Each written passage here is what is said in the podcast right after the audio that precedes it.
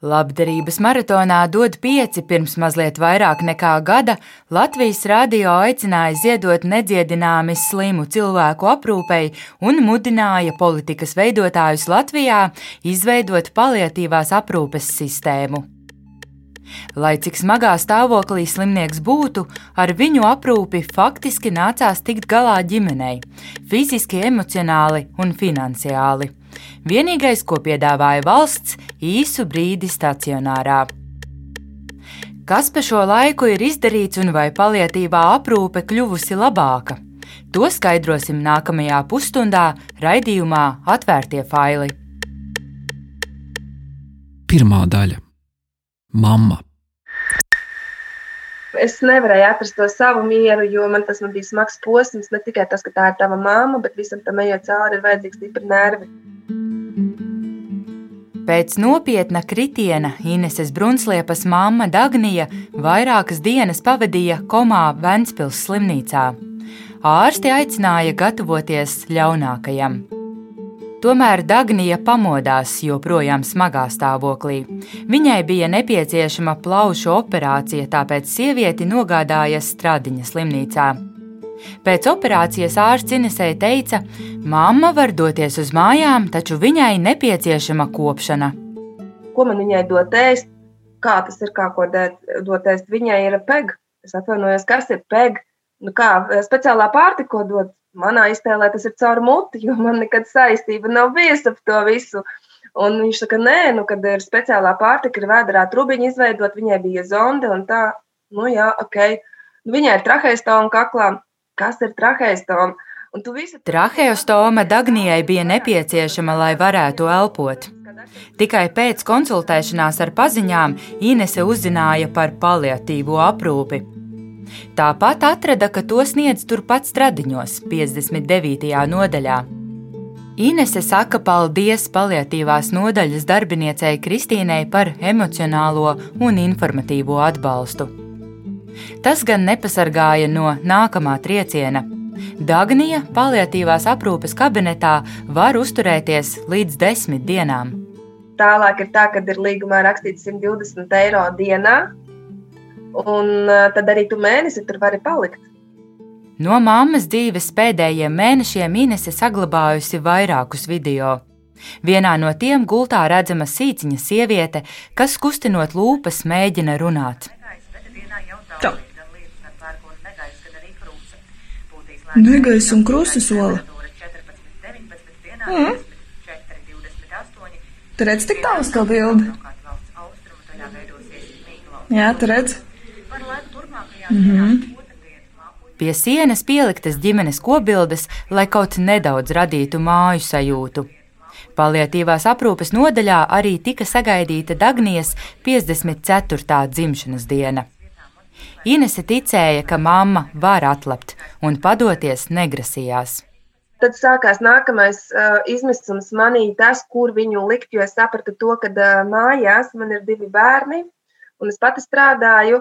Uh, mājās es nevarēšu nodrošināt viņai šo aprūpi, jo viņai bija traheistoma. Es redzēju, kad, uh, kā to visu dara, un, uh, un man no, no sākuma bija pat bail pieskarties un kaut ko tur darīt. Nu, teiksim, tā atsūknēt šo trahēstām, plus vēl tie vadi vēdā, urīna katrs. Kādu brīdi Dagnija pavadīja deklarētās dzīvesvietas Stalsu slimnīcā, vēlāk nonāca Ventspils slimnīcas palietīvās aprūpes nodaļā. Kā stāsta meita, Dagnijas stāvoklis pa šo laiku krietni pasliktinājās. Dagnija bija smags pacients, kurai nepieciešama enterālā barošana, regulāra grozīšana, traheostomas un urīna katetra aprūpe. Turklāt tas nepieciešams stūlīt, bet daudz viet bija jāgaida rindā. To visu varēja nodrošināt privāts sociālās aprūpes centrs cilvēks. Taču Dagnijas gadījumā uzturēšanās izmaksas tur sasniedza 75 eiro diennaktī plus medikamenti. Daļu bija gatava sekta organizācija Ziedot LV par labdarības maratonā dot pieci savāktajiem līdzekļiem, taču pat ar atbalstu 1000 eiro mēnesī uz trim mēnešiem joprojām nepietika. Lai mammu varētu ievietot privātajā aprūpes centrā, Inese lūdza palīdzību sociālajos tīklos un biedrībā palīdzēsim viens otram. Katru to īziņu saņemot telefonā, es eh, pateicos pie sevis, nosaucot vārdu, uzvārdu, kas man to ieskaitīja. Paldies! Un tas bija mans tas pirmais salmiņš, kad es sapratu to, ka es neesmu viena.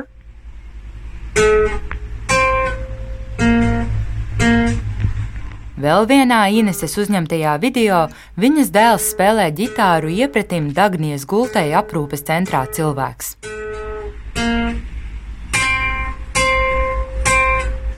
Ineses mammai īpaša aprūpe bija vajadzīga piecus mēnešus. Viņa nomira pērn oktobra beigās. Šeit mēs Ineses stāstam liksim punktu. Vienīgi piebildīsim, ka viņa ir vērsusies veselības inspekcijā, jo uzskata, ka mātes atveseļošanos kavēja tas, ka vairākās medicīnas iestādēs trūka personāla un līdz ar to piemērotas aprūpes. Meita vēlas, lai ārstniecības iestāžu atbildība tiktu izvērtēta. Ineses skaudrā pieredze rāda, ka paliatīvajā aprūpē joprojām ir būtiskas problēmas izmisuma zonā. Paliatīvā medicīna Latvijā. Vai tu zini, kas ir paliatīvā aprūpe un kādā situācijā tā ir Latvijā? Trūkst informācijas. Paliatīvās aprūpes nodaļās var pavadīt tikai īsu laiku. Nepietiekams mediķu un aprūpētāju skaits. Nav ne finansiāla, ne psiholoģiska atbalsta mājas aprūpē esošajiem pacientiem un viņu tuviniekiem. Šīs problēmas atklātā vēstulē valsts augstākajām amatpersonām 2019. gada izskaņā uzskaitīja Latvijas radio projekta izmisuma zonā veidotāji. Vai gada laikā kaut kas no tā ir mainījies? Otra daļa - plāns. Mēs visi kopā šajā labdarības maratonā 2019 esam saziedojuši 438,000 un 197 eiro.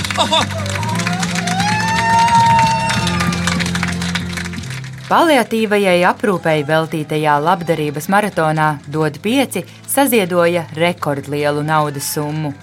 Kā sacīja organizācijas Ziedot LV vadītāja Rūta Dimanta, Tas pierāda, ka sabiedrībai nav viena alga, kas notiek ar nedziedināmi slimiem cilvēkiem. Cilvēkiem tas ir signāls politiķi jums, ka mēs gaidām pārmaiņu šajā jomā.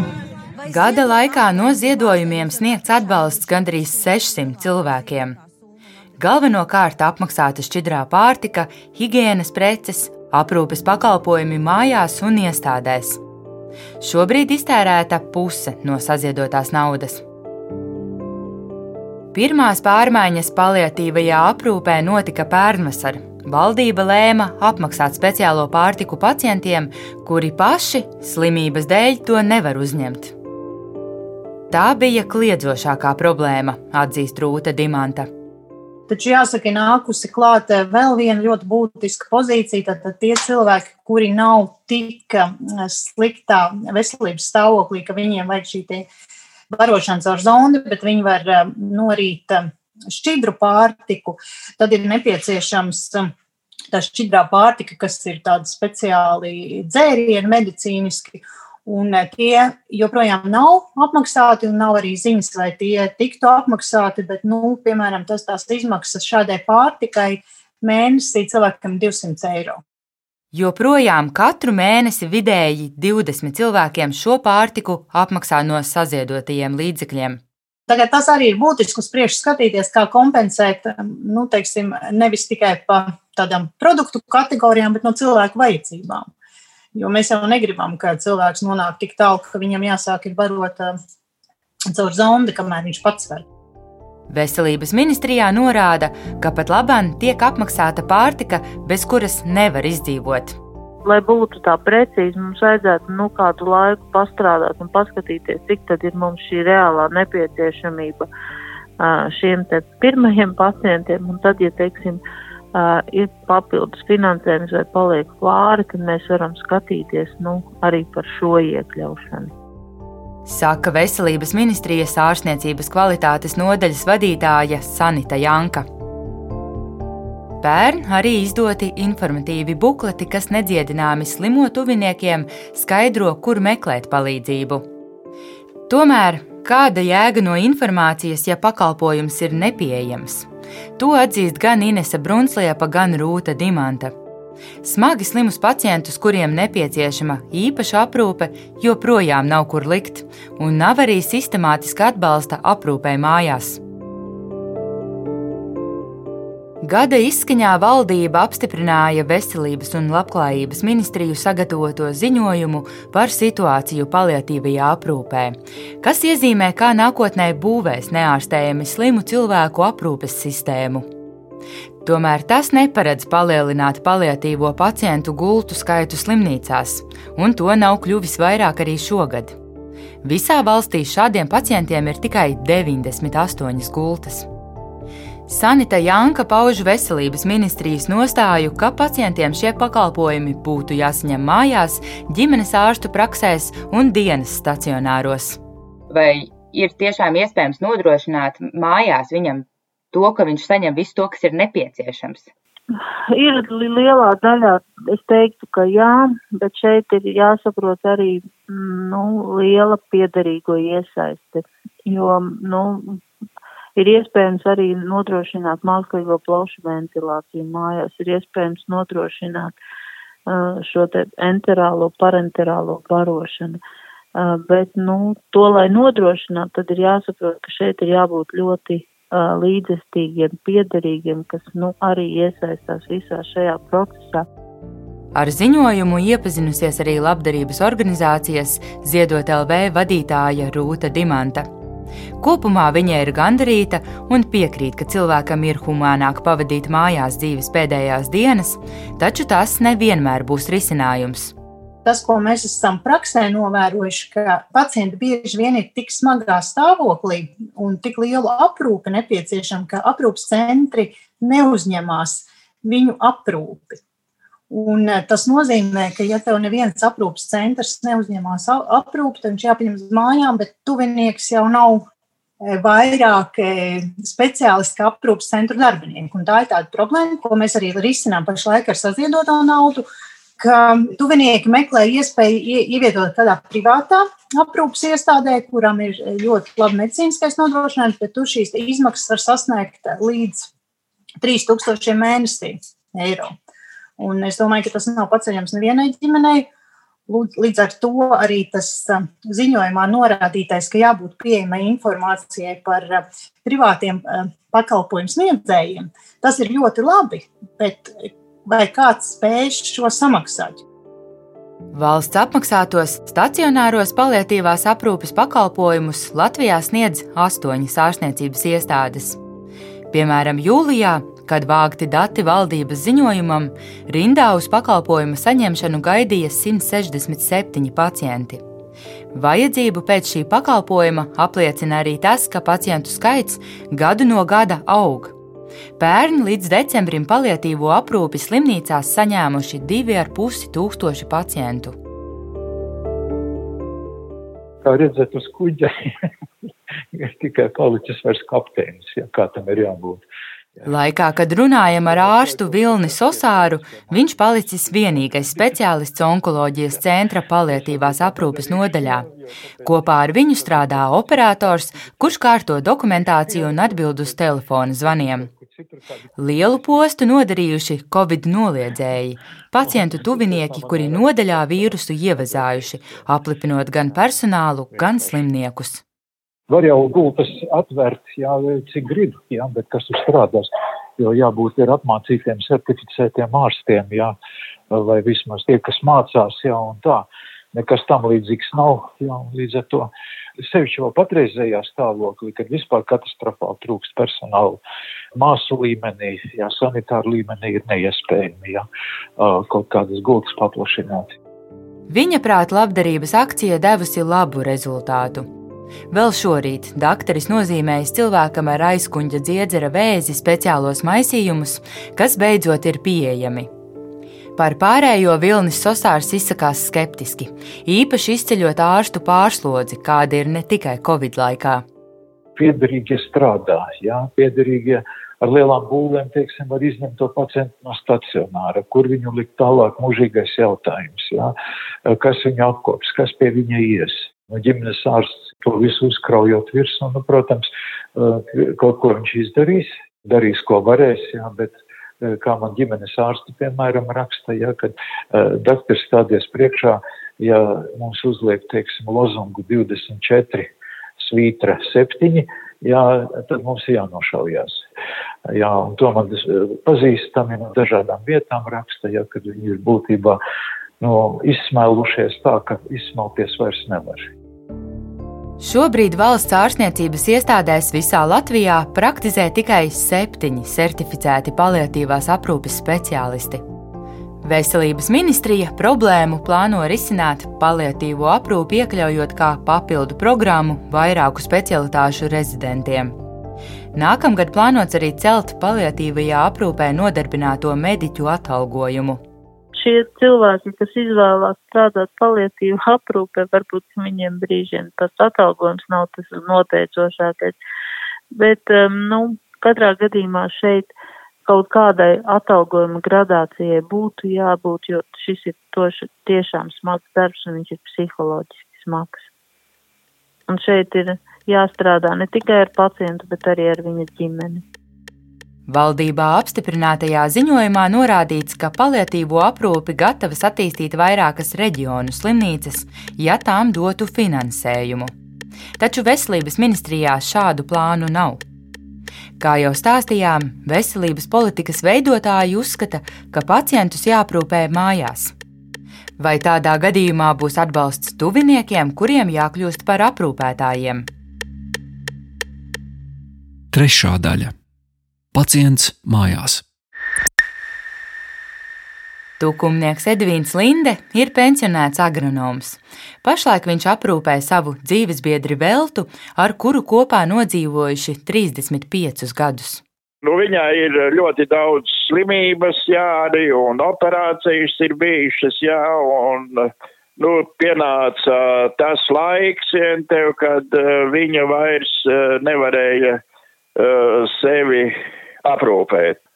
Piedāvāja man divas izvēles, vai nu viņu likt uh, Irlavas uh, slimnīcā, vai arī aizgāju uz sociālo dienestu, vai nevar iedot uh, mājas aprūpētājiem. Man, nu, daļēji mājas aprūpētājiem man ir vajadzīgs, kas palīdz samainīt, jo viņi ir guļoši, samainīt, uh, nu, jāsaka, nu, pampers, ja tā var teikt, jā. Ja. Nu, ot, un, un palīdzēt gūt, pārklāt un elementāri apkopt, apmazgāt, jā, un, nu, tas arī viss tā, tādā pamatā, tev, jo pārējo es izdarīju.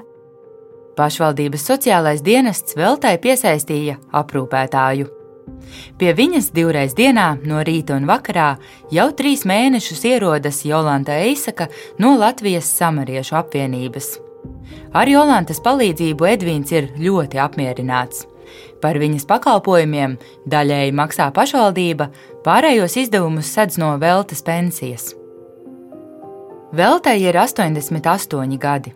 Arī Edvīns ir pensionārs, bet, ja viņam būtu jāstrādā, apvienot abus pienākumus būtu grūti pie šāda stāvokļa var būt vēl, jā, bet ja tas stāvoklis pasliktinās, tad vairs to nevar izdarīt. Nu, tad ir vai no aprūpas nams, vai arī ir lielāks slodze aprūpētājiem jāizdara faktiski, jā.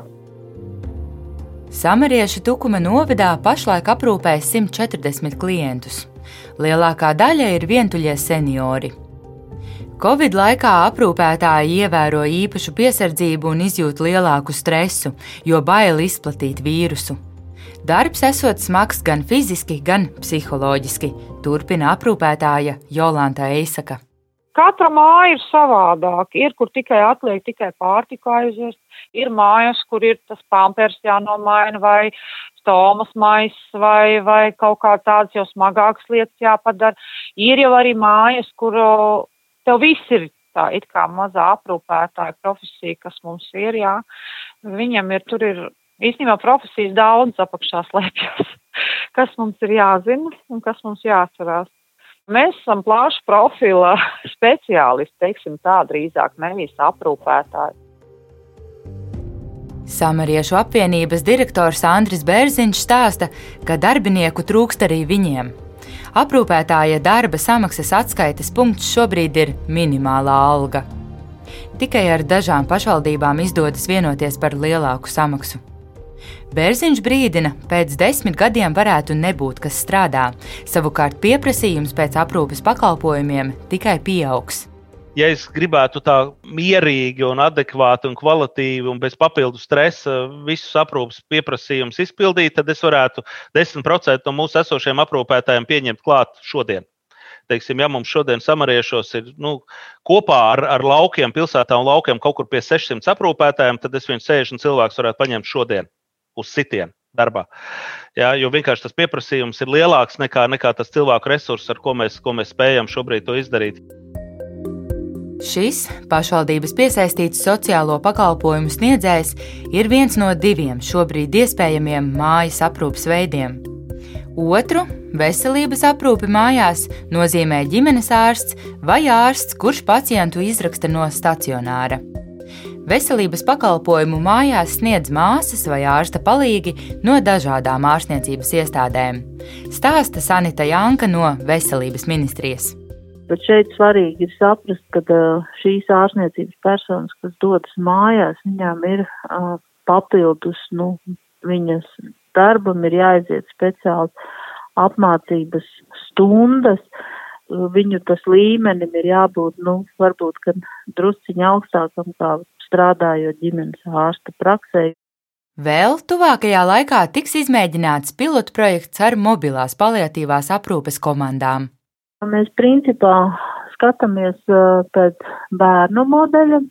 Šajā komandā ir ārsts, šajā komandā ir vidējais ārstniecības personāls, tā varētu būt māsa un ārsta palīgs. Šajā komandā būtu labi, ja ir funkcionālais speciālists, fizioterapeits vai ergoterapeits, sociālais darbinieks, nu, un ļoti labi, ja šajā komandā būtu arī kapelāns, psihologi. Šāda komanda darbu varētu uzsākt janvāra beigās. Tā strādātu 24-7 režīmā, arī konsultētu pa telefonu. Sākotnēji pakalpojums būs pieejams kādā reģionā, un to finansēs no Eiropas Savienības fonda līdzekļiem.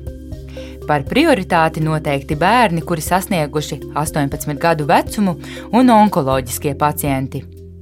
Onkoloģijas centra paliatīvās aprūpes nodaļas vadītājs Vilnis Sosārs norāda, mājas aprūpe ir labi, taču visiem tā nedara. Ģimenes ārsti bieži sūta pacientus uz slimnīcu, jo tuvinieki vairs netiek galā. 60% jā, šiem pacientiem, kurus atsūtīja, lai koriģētu, jā, tur, teiksim, terapiju aprūpi, jā, ir nepieciešama stacionārā aprūpe, jā, nevis mājas aprūpe. Tur galā netiks ne ar asiņošanu, ne kāds punktējs vēderus, ne plēras dobumu, jā, vai atsāpināšanu, jā. Tas faktiski nav iespējams, jā. Pat stacionārā tas ir tik ļoti sarežģīti. Jā. Mājas aprūpe, jā, protams, jā, pie vislabākās sistēmas, jā, mājas aprūpe 80% atrodas mājas aprūpe. Es runāju jau par izveidotu sistēmu kā tādu, jā, kad eh, tas, ko, teiksim, mobīla aprūpe, ja tur un tā tālāk. Lai mobīla aprūpe būtu, viņa parasti iziet no dienas stacionāriem. Kur mums ir Latvijā dienas stacionāri? Jā, neviena nav jā, palietīvā aprūpē. Jā, tā kā, uh, protams, jā, ka tās domas ir labas, jā, un visas, jā, bet, nu, uh, no patreizējās bedres skatoties, jā, no apakšas uz augšu, jā, es redzēju tikai mazu, mazu šauru debesu, jā, tādu strēlīti. Veselības ministrijas nākotnes plānos ir par Eiropas Savienības fondu naudu izveidot hospisa un atalpas brīža pakalpojumus speciāli izveidotā vidē ar speciālistu pieejamību 24-7 režīmā. Taču tas nenotiks tuvāko gadu laikā. Pagaidām ministrija piedāvā lētākus variantus, to vidū ģimenes ārstu praksēm piesaistītu koordinātoru. Tas būtu cilvēks, ne obligāti mediķis, kurš pārzinātu paliatīvās aprūpes sistēmu, lai varētu izvest pacienta ģimeni pa valsts iestāžu koridoriem. Ziedot LV vadītāja Rūta Dimanta uzskata, ka šāds koordinators ģimenei īpaši sākuma posmā būtu vērtīgs. Taču šobrīd lielākā problēma ir darba spēka trūkums, un, ja daļu šo funkciju pārņemtu tuvinieki, tad ir jādomā veids, kā atbalstīt viņus. Ja mēs saprotam, ka mēs nevaram visus paņemt slimnīcā un aprūpas centros, bet atstājam ģimenei, tad svarīgi stiprināt ģimeni. Un tad tomēr ir jāpaliek pie tā, ka tā ir pirmajā laikā slimības lapa, kamēr tu vispār saproti sistēmu, atrod aprūpētāju, sagādā gultu, ka tava ģimene ir nodrošināta, ka tu vari droši to darboties. Jo, ja mums ir uh, atved mājās no slimnīcas šādu te pacientu un tev uzreiz ir jāiet prom no darba un jākvalificēs par aprūpēju par 250 eiro, nu tur visi ģimene nobrūk. Taču atbalsta ģimenēm joprojām nav, un nav arī skaidrs, kad un kāds tas būs. Valdībā apstiprinātajā ziņojumā paredzēts, ka paliatīvās aprūpes pacientiem no 2022. gada varētu izmaksāt īpašu kopšanas pabalstu - 213 eiro mēnesī, taču nav garantiju, ka tam būs finansējums. Jau ilgāku laiku notiek diskusijas par aprūpētāju atvaļinājumu pacientu tuviniekiem, taču neviens negrib par to maksāt. Latvijai līdz 2022. gada vidum jāpārņem Eiropas Savienības direktīva par darba un privātās dzīves līdzsvaru vecākiem un aprūpētājiem. Tā paredz ieviest aprūpētāju atvaļinājumu, kas gan ir tikai piecas dienas gadā. Tikpat labi tas varētu būt bezalgas atvaļinājums, saka Labklājības ministrijas sociālo pakalpojumu departamenta direktors Aldis Dūdiņš. Direktīva runā tieši par piecām dienām gadā. Tas varētu būt tas skaits, vai tur varētu būt arī, piemēram, kaut kāds lielāks tas dienas skaits? Nu, tas ir diskusija jautājums, ja, jo, jo uzstādījums ir gaužām vienkāršs. Ja. Cik tas izmaksā un kas par to maksās? Tas ir absolūti saistīts ar pieejamiem finanšu resursiem. Ja? Te, un te pat neiet runa, kā kāds to gribētu vai negribētu. Droši vien mēs gribētu visi, ja? un, un tas ir, teiksim, pilnīgi normāli, bet stāsts ir par to, cik tad mēs to vispār varam atļauties un, un kas tad galu galā par to maksās. Ja? Un atklāt sakot, tas bija viens no lielākiem diskusiju objektiem tajā visā tā saucamajā starpministriju saskaņošanā. Jautājums jāizlemj dialogā ar darba devējiem, arotbiedrībām un valsti. Kad tas varētu būt, pagaidām nav zināms. Šogad paliatīvo aprūpi uzlabos tik daudz, cik ļaus esošais budžets vai Eiropas Savienības fondu līdzekļi. Tāpēc būtisku pārmaiņu nebūs. Nākamajos gados plānotajiem uzlabojumiem būs vajadzīgi miljoni, bet cik tie reāli pandēmijas apstākļos nav iespējams prognozēt. Un plānos joprojām paliek rops smagi slimu cilvēku aprūpe. Mūsu raidījuma sākumā minētās Ineses mammai atbilstošu ilglaicīgu pakalpojumu tuvākajos gados pat neplāno. Sabiedrības savākto ziedojumu varētu pietikt vēl gadam. Raidījumu veidoja Baiva Runce, Anita Brauna un Reinis Pudze. Atvērtie faili!